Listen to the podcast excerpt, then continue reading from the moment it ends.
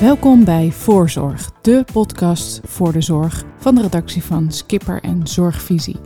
In deze aflevering praat ik met senior redacteur Bart Kiers over de concentratie van de kinderhartchirurgie.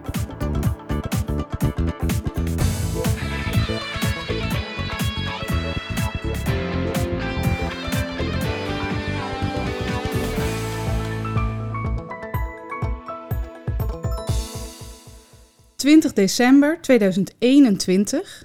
Het kabinet is drie dagen met kerstreces. En demissionair minister voor Volksgezondheid Hugo de Jonge neemt een radicaal besluit. Bart, wat besluit hij? Als je een Kamerbrief stuurt in het kerstreces, dan is er iets bijzonders aan de hand. Dan heb je een boodschap die moeilijk is. Er zijn vier kinderhartcentra die operaties doen en hij zegt, we gaan terug van vier naar twee. Dat is het eerste besluit. En het tweede besluit is, hij wijst er ook nog twee aan. Hij zegt, het gaat naar Rotterdam en het gaat naar Utrecht. En welke twee kinderhartcentra worden dan gesloten? Nou, de kinderhartcentra gaan niet dicht, maar ze stoppen met, met de interventies. Um, Groningen en Leiden. Nou, hij heeft het uh, getimed, geprobeerd om het misschien onder het, uh, onder het tapijt te vegen, maar dat is niet onopgemerkt gebleven. Wat waren de reacties uit het veld? Verbijstering bij Groningen, verbijstering in Leiden. Dit hadden ze niet zien aankomen en ook de timing vinden ze raar. Um, ik heb een interview gehad met Eduard Verhagen, die is uh, afdelingshoofd in, in Groningen. Die zegt van ja, dat je de, je opvolger met een bommetje opzadelt, onvoorstelbaar. En, en, en Douwe Biesma, de bestuursvoorzitter in um, Leiden, die vertelde toen hij het telefoontje van, van Hugo kreeg dat hij echt verbijsterd was. Dit, ja, ze hadden dit helemaal niet zien aankomen. En wat waren de argumenten voor Hugo om, om deze twee centra uit te zoeken, dus Rotterdam en Utrecht? Nou, dat, dat was ik ook nieuwsgierig naar, dus ik ging die brief lezen. En eigenlijk kun je uit die brief niet opmaken waarom hij die twee centra kiest. Nee. Want, hij, geeft wel een argumentatie. Wat, wat zijn zijn argumenten? Nou, dat, is, dat moet je eruit halen. Hij heeft vijf selectiecriteria. Het is misschien iets te ingewikkeld om die op te noemen, allemaal. Maar in ieder geval, hij, hij concludeert dat ze alle vijf in principe, voor alle vier de centra in principe voldoen aan die vijf criteria. En dan zegt hij zoiets van alles afwegende besluit ik dat het Utrecht en, en Rotterdam moeten zijn. Maar hoe die die afweging maakt, op basis van welke criteria precies en hoe zwaar die dan wegen, dat staat er niet in. En omdat er dat er niet in staat, begrijpt niemand eigenlijk hoe die tot die beslissing komt en biedt je ruimte voor allerlei complottheorieën en allerlei aannames daarover. En dat gebeurt dan ook. De criteria die hij noemt is, uh, het zou goed zijn als de interventies op één locatie plaatsvinden. Um, er moet een bepaald volume gehaald worden aan uh, interventies in een jaar om de kwaliteit uh, te waarborgen. Er moeten voldoende specialisten zijn, er moet voldoende verplegend personeel zijn. Hebben al deze vier centra, Utrecht, Groningen, Rotterdam en Leiden, hebben zij allemaal, voldoen zij allemaal aan deze criteria? Mm, nou ja, volgens de minister wel. Uh, je kunt je afvragen uh, of, of, dat echt zo is. Maar in ieder geval, de minister die, uh, die ligt dat niet, niet toe. Die vier UMC's die hebben, die hebben ook hun eigen specialisatie nog weer binnen de kinderhartinterventies. Kun je ze, kun je ze een beetje aan me voorstellen? Dus wat voor kleur hebben deze vier? Nou, als je naar die vier kijkt, dan het eerste wat opvalt is dat er twee grote centra zijn, namelijk Leiden en Rotterdam. En dat Leiden is ook het centrum wat van oudsher uh, internationaal gezien het meeste aanzien heeft. Um, en, en je hebt twee, twee kleinere centra, die zitten in Groningen en in Utrecht. Drie van die centra hebben een eigen superspecialisatie binnen dat al heel gespecialiseerde groep, zoals Groningen doet long-harttransplantaties. Uh, Leiden is erg goed in operaties uh, van het kind wat nog in de buik zit. Dat is ontzettend in, in. En Rotterdam is erg goed in uh, harttransplantaties. Ik hoop dat ik het zo goed zeg allemaal. En Utrecht is eigenlijk de enige van die vier die niet zo'n superspecialisatie heeft. Tegelijkertijd ken, kenmerkt Utrecht zich juist weer omdat ze een heel groot kinderziekenhuis hebben. Ja, de, van de kindergeneeskunde, uh, waar dit onderdeel van is, zit 20% van alle kindergeneeskunde zit al in Utrecht. Dus je kunt zeggen van nou, als, als je naar de toekomst kijkt, dan heb je daar ook uh, voldoende personeel, voldoende capaciteit en alles. Dus ja, el, elk centrum heeft wel een eigen verhaal waarom juist zij het moeten, moeten worden. Nou, komt het besluit van Hugo de Jonge onverwacht, maar toch niet helemaal uit de blauwe uit de blauwe hemel vallen? Hoe heet dat? Uit. Nee, dit dossier loopt al wat langer. Het loopt 30 jaar. Dus het is duidelijk dat er een keer een besluit genomen moest worden. En, en de veldpartijen die kwamen er niet uit. Dus Hugo zegt uh, op mede op verzoek, omdat van die veldpartijen, de betrokken uh, specialisten en ziekenhuis, die hebben hem gevraagd om een knoop door te haken. Dat is wat, wat hij zegt. Want in de afgelopen jaren hebben zij zelf onderzoeken gedaan naar wat een goede concentratie, welke, welke centra daar geschikt voor zouden zijn of concentratie gewenst is. Wat, wat zijn de adviezen, afwegingen die de, uh, die de centra zelf geven?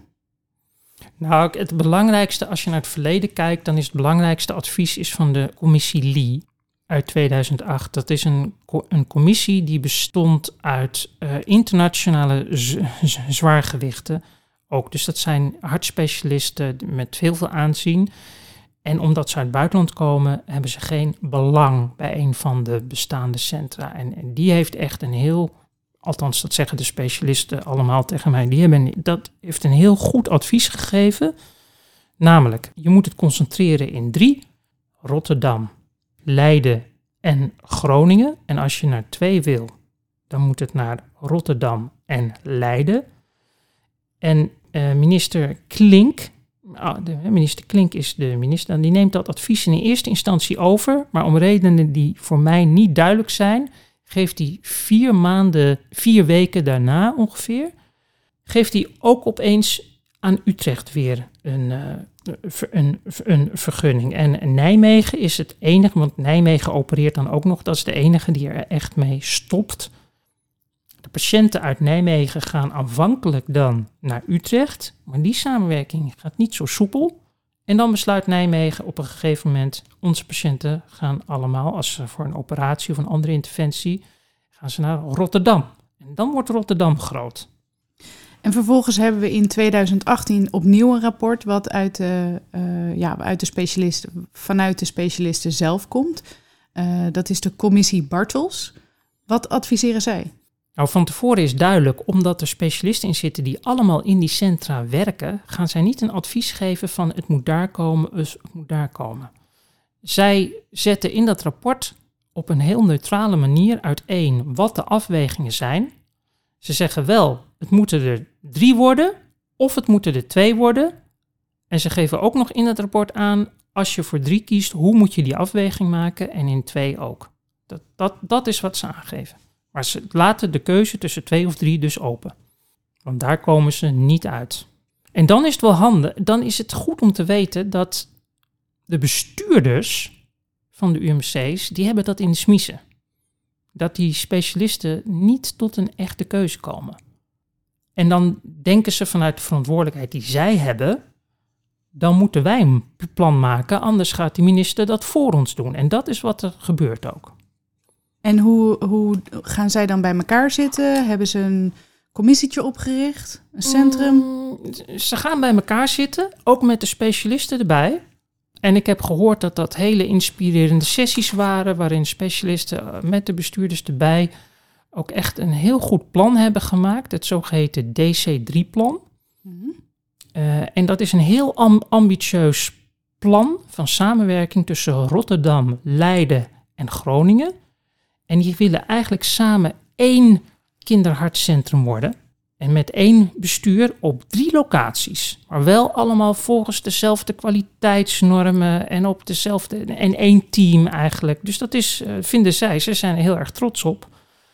En uh, de bestuurder uh, die daarvoor het initiatief nam, Ernst Kuipers, die de minister is nu, Eh, die heeft dat ook gepresenteerd aan het ministerie. Dat was in de zomer van 2021. Dan biedt hij dat aan, maar die reageert daar nooit officieel op.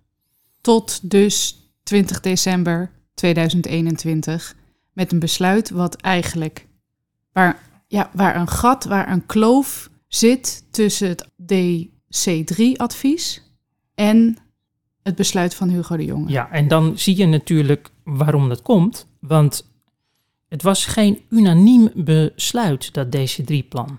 Alle UMC's die betrokken waren, dus ook Nijmegen, um, hebben dat ondertekend, maar eentje niet. En dat was Utrecht. Want Utrecht was aanvankelijk niet, uit, niet uitgenodigd voor die gesprekken. En dat had ook een reden. Dat komt omdat de UMC's een, al een concentratie hoofdpijndossier achter de rug hadden. Dat was de kinderoncologie. Dat zei de minister zelf laatst tijdens een Kamerdebat ook. Dit hangt daar onder of boven, hoe je het wilt zeggen. Dit, dat heeft daar invloed op. Dat zorgde voor zoveel um, ja, kwaad bloed, hoe moet je dat zeggen? Um, er was zoveel onvrede uh, dat Utrecht daar alles kreeg en niks teruggaf aan de andere UMC's. Zo dacht Kuipers daar zelf ook over toen hij bestuurder was van het Erasmus MC. En er was echt zo'n sentiment van nou, Utrecht. Het, nu, Utrecht moet zich maar bescheiden opstellen nu. Wij, wij zijn aan de beurt. Um, advies aan het ministerie. Ja. Paar maanden stilte. En dan komt Hugo ineens met het moet Rotterdam worden en het moet Utrecht worden. En uh, nou, dit besluit uh, bleef niet onopgemerkt. En Ernst Kuipers wordt uh, begin januari minister van Volksgezondheid. En gelijk het eerste interview wat hij geeft, krijgt hij dit dossier voor de voeten geworpen bij, bij Bo. Dan krijgt er een vraag over, ja. Ja, wat, wat, is zijn, wat zegt hij daarover daar? Nou, iedereen kijkt er wel met spanning naar uit, omdat iedereen wist, dat zei Douwe Biesma ook. Hij, het was gewoon duidelijk, hij was architect van het DC3-plan. Dus, en als minister zegt hij, nee, we moeten naar twee. Hij, hij, kiest dus de lijn die het ministerie en inspectie ook heeft ingezet. En het is wel interessant om te horen wat voor argumentatie hij daarbij geeft. Hij zegt daar op tv van ja, als je kijkt naar hoeveel superspecialisten er zijn, dan zijn dat er twaalf. Wil je een beetje normale dienstrooster hebben, dat is wel door bestuurders algemeen geaccepteerd, dan heb je er zes, zes nodig. Dus ja, 12 gedeeld door 6 is 2. Dus kom je met, wil, je normale dienstroosters en normale samenwerking hebben, dan moet je naar twee centra toe. Dat, in een paar zinnetjes zegt hij dat zo. Nou, de, de voormalig UMC-man wordt dat wellicht niet uh, in dank afgenomen dat hij ineens uh, echt VWS-man blijkt te zijn. Ja, dan, dan wacht hem natuurlijk uh, een, een Kamerdebat. De Tweede Kamer wordt voorgelicht in een ronde tafel. En vervolgens is er 17 februari een, een debat hierover. wat gebeurt daar in dat debat? Nou, de Kamer valt de minister eigenlijk heel erg aan op waarom die zo vasthoudt aan twee. Waarom kan drie ook niet? En, en de Kamer stuurt aan op een onderzoek door de NZA. Impactanalyse heet dat. En de Kamer wil dat uh, niet van tevoren door de vooringenomenheid van de minister al vaststaat wat de uitkomst is van, ja, ik vind prima, hè, als Ernst Kuiper zegt, ik vind prima dat de NZA onderzoek doet, maar er moet uitkomen dat het er twee zijn. Dat is wat de Kamer niet wil. Dus, uh, dus het moet een voor, zonder, uh, zonder vooringenomenheid on onderzoeken. En dat, de Kamer wil dat het de mogelijkheid openhouden dat het ook nog wel eens drie kunnen zijn. En lukt dat, lukt dat de Kamer? Daar geeft de minister op toe. Uh, hij zegt er wel bij van, ik zal wel vasthouden aan de kwaliteitseisen. Die Hugo de Jonge in zijn brief noemt? Die de inspectie noemt. En de inspectie, ja, Hugo de Jonge noemt dat in zijn brief ook en verwijst naar de inspectie, want de inspectie gaat over de kwaliteitseisen. En de inspectie zegt op basis van de kwaliteitseisen vinden wij dat er twee centra moeten komen. En dan kijken ze vooral naar de volumenormen. Die zijn daarin doorslaggevend eigenlijk. Althans. En er was nog een, uh, dat vertelde jij, er was nog wel een, bi een, bijzondere rol van een Kamerlid van D66 in uh, dit debat. Ja, dat is het Kamerlid Wietske Paulusma. Um, zij komt uit Groningen. Nou, als je gezien hebt um, in Groningen, daar lopen de emoties ongelooflijk hoog op. Er was, is daar een handtekeningenactie ontstaan die, die 200, meer dan 235.000 keer on, ondertekend is. Als je naar Groningen gaat, je ziet daar overal in de straat spandoeken. Dus het leeft in Groningen ongelooflijk. Groningen heeft echt het idee van uh, de Randstad kleedt ons uit. Hè. Na, na het debakel van, met, het gas is er nu weer iets waar wij de, de dupe van zijn. Uh, de zorg gaat verschralen hier. Dit is het eerste.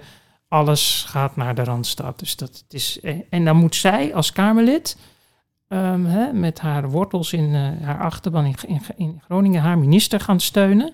Die het, die het dus uit Groningen wil, wil weghalen. Dat, die positie is lastig. Ja. Dus het komt, er komt um, uh, Paulus maar ook erg goed uit dat het besluit over de gemeenteraadsverkiezingen wordt heen getild. Natuurlijk. D66 komt, en al de hele coalitie komt, komt dat heel goed uit.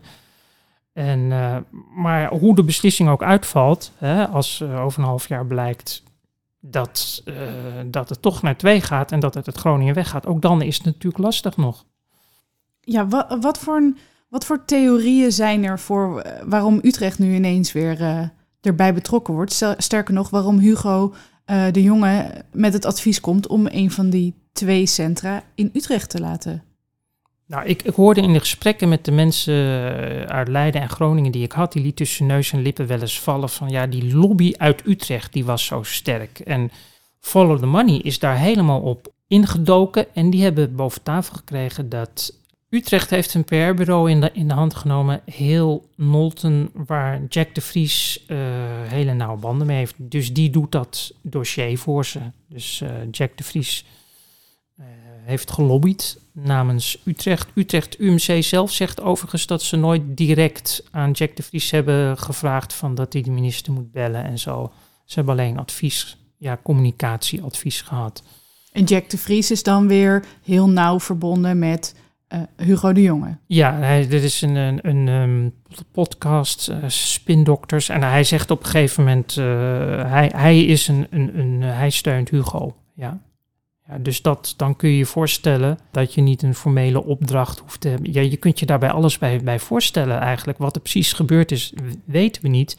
Maar het feit dat Jack de Vries hè, als spindokter, nauwe band, dan ga je van alles in je hoofd halen. Ja, en hetzelfde geldt eigenlijk voor Rotterdam, voor waarom die dan uh, uit, uh, uit de bus zijn gekomen. Nou ja, ja want, want Rotterdam had geen lobbyist nodig, want uh, Ernst Kuipers was als uh, IC-beddeman kind aan huis aan het, aan het ministerie.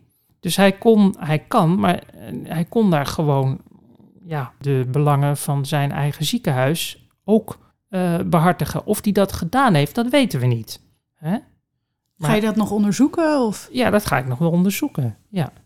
Ik heb het wel gevraagd aan, aan, uh, aan de woordvoerder en dan krijg je een heel formeel antwoord dat hij op geen enkele wijze betrokken is geweest bij de besluitvorming. Nou, dat, dat, uh, dus hij ontkent dus dat hij daar uh, invloed op, op heeft gehad. Ja, wat dat ook te beargumenteren valt, want zijn voorstel was dat DC3-model en dat was niet het besluit wat Hugo heeft genomen. Ja, wat er precies gebeurd is in, in najaar, ehm, dat weten we gewoon niet.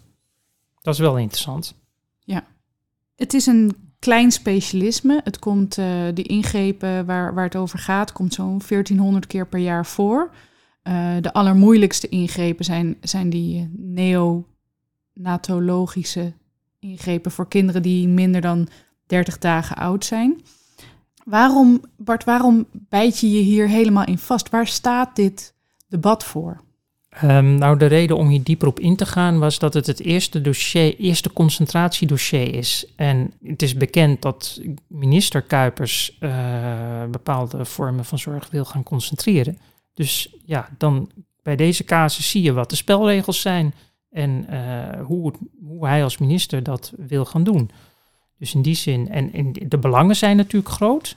Uh, UMC's zijn ook in de zorg een van de machtigste, machtigste partijen, misschien nog wel machtiger dan de zorgverzekeraars. Daarom is het interessant. En de gemoederen lopen ontzettend hoog op. In Groningen zie je dat ook. Met name in Groningen loopt het heel hoog op. En waarom, wat, eh, wat zijn die belangen of wat zijn de consequenties van... Want als het gaat over als je 300, 400... vij- Stel dat je 500 operaties eh, niet meer kan doen. Het, het zal niet alleen om die specifieke ingrepen gaan, toch? Wat zijn de grotere belangen van zo'n ziekenhuis? Nou, kijk, eh, voor Leiden en Groningen, daar speelt bij dat het grote gevolgen heeft voor andere afdelingen ook. En met name de kinder, de kinder, de kinder-IC's. Als zij die operaties, deze spiekeroperaties, interventies kw- kwijtraken, wordt het heel lastig om die kinder-IC's op een normale manier in de, in de lucht eh, te houden. Er zijn gevolgen voor opleidingen. Je wordt als opleidings-UMC minder aantrekkelijk gevolgen voor onderzoek eh, en nog veel meer af dit. Dus dus wel een, een ketenreactie in het eigen eh, ziekenhuis. En LUMC eh, moet al bezuinigen. Hè? Dus ja, dit er ook nog eens af vanaf. Dat, dat valt natuurlijk niet goed. Jochem Miro, die is hoogleraar economie volksgezondheid aan de Rijksuniversiteit Groningen. En hij zegt, eh Kuipers zou eigenlijk veel breder moeten kijken. Het debakel rondom de kinderhartchirurgie heeft de grenzen van de visievrij leiderschap in de zorg ruimschoots aangetoond. Ja, dus hij zegt van als je, als je het zorglandschap gaat veranderen, ehm, als je gaat con- concentreren, dan moet je daar een visie op houden, waardoor iedereen begrijpt van, oh ja, dit moeten we doen, want dat is het einddoel. Die visie, die is er nog niet. Dus nu is het zo dat, dat die concentratie steeds stukje voor stukje is. En ja, dan krijg je elke keer heibel. Hij zegt ook van ja, als je dat zo gaat aanpakken, dan kun je voor elke concentratie die je doet, kun je wel een eh, loket voor, voor handtekeningen aan, bij het ministerie openen, want dan krijg je heel veel gedoe. De NZA die zegt dat ook, de politiek zegt ook, je moet dat breder doen.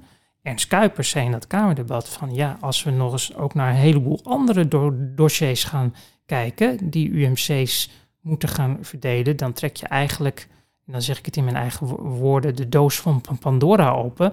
Want dan krijg je nog veel meer weerstanden en nog veel meer gedoe. En dan komen we helemaal nergens. Op dit dossier moeten we, gezien de, ook die leeftijd van die, van die artsen, moeten we snel stappen maken. En daar valt wel wat voor te zeggen ook. Want de leeftijd van de artsen, er zijn nu twaalf specialisten op dit gebied, waarvan er zes de komende vijf jaar met pensioen gaan. De komende twee jaar.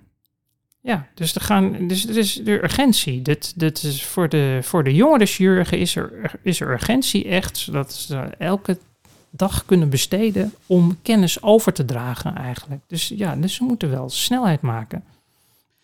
Nou, naar aanleiding van het debat, eh, f- eh, 17 februari is er dus een eh, opdracht naar de NZA gegaan om te onderzoeken wat een slimme keuze zou zijn. Eh, wanneer is dat onderzoek af? Wanneer kunnen we de volgende stappen hier in dit dossier verwachten? Nou, de, de Ernst Kuipers zei dat de NZA om zes à zeven maanden had gevraagd vanaf nu. En hij wil ze dat geven, dus na de zomer. Hè, zo, zo dan kun je verwachten dat, dat dat advies er komt. Nou, ik ben heel benieuwd wat Ik- er gaat ik- gebeuren. Ik, ik ben ook eh, erg, ja, dat, dat ben ik ook. Het kan alle kanten op. Maar Leiden en Groningen hebben nu het idee dat ze weer in de wedstrijd meedoen. Dus die denken van, nou, misschien komt er toch dat DC3-plan uit. Ja, eh, maar het kan ook zomaar zijn dat Kuipers toch gewoon aan zijn lijn vasthoudt en het bij zijn beslissing blijft. Dat kan ook. Kan alle kanten op. We gaan het meemaken. Bart, hartelijk bedankt voor je uitleg over dit mega ingewikkelde dossier. Ehm, als je meer wil weten, dan moet je vooral ook op onze website kijken, zorgvisie.nl. Bart die heeft er inmiddels 14 artikelen over geschreven, dus er is nog veel meer over te vertellen. Voor nu, dankjewel Bart. Dankjewel. Ook nog twee op Skipper. Dus ook daar kun je terecht. Precies. Dankjewel. En voor nu was het eh, deze aflevering met redacteur aan tafel met Bart Kiers.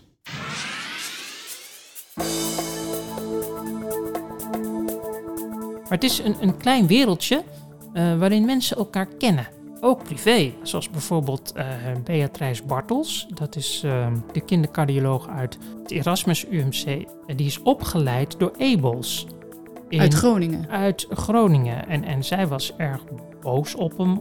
Dat ging over de norm. Bij neonaat of je 40 of 60 operaties moet doen. In haar perceptie heeft hij dat een wetenschappelijk artikel ingetrokken en erg boos. Zij heeft een, haven, een, een boot in dezelfde haven uh, waar hij een, een, boot heeft. Die boten die liggen naast elkaar. Die komen elkaar dus tegen als ze de boot gaan schuren. Het, die wereld is klein. En ja, Spannend ik hoop dat ze eruit komen. Maar ze hebben wel altijd uh, de zorg voor de patiënt staat voorop. Dat, dat, dat is wel Merk je in alles. Dat merk je, dat merk je in alles, ja. Great. Nou, succes Bart. Dank je.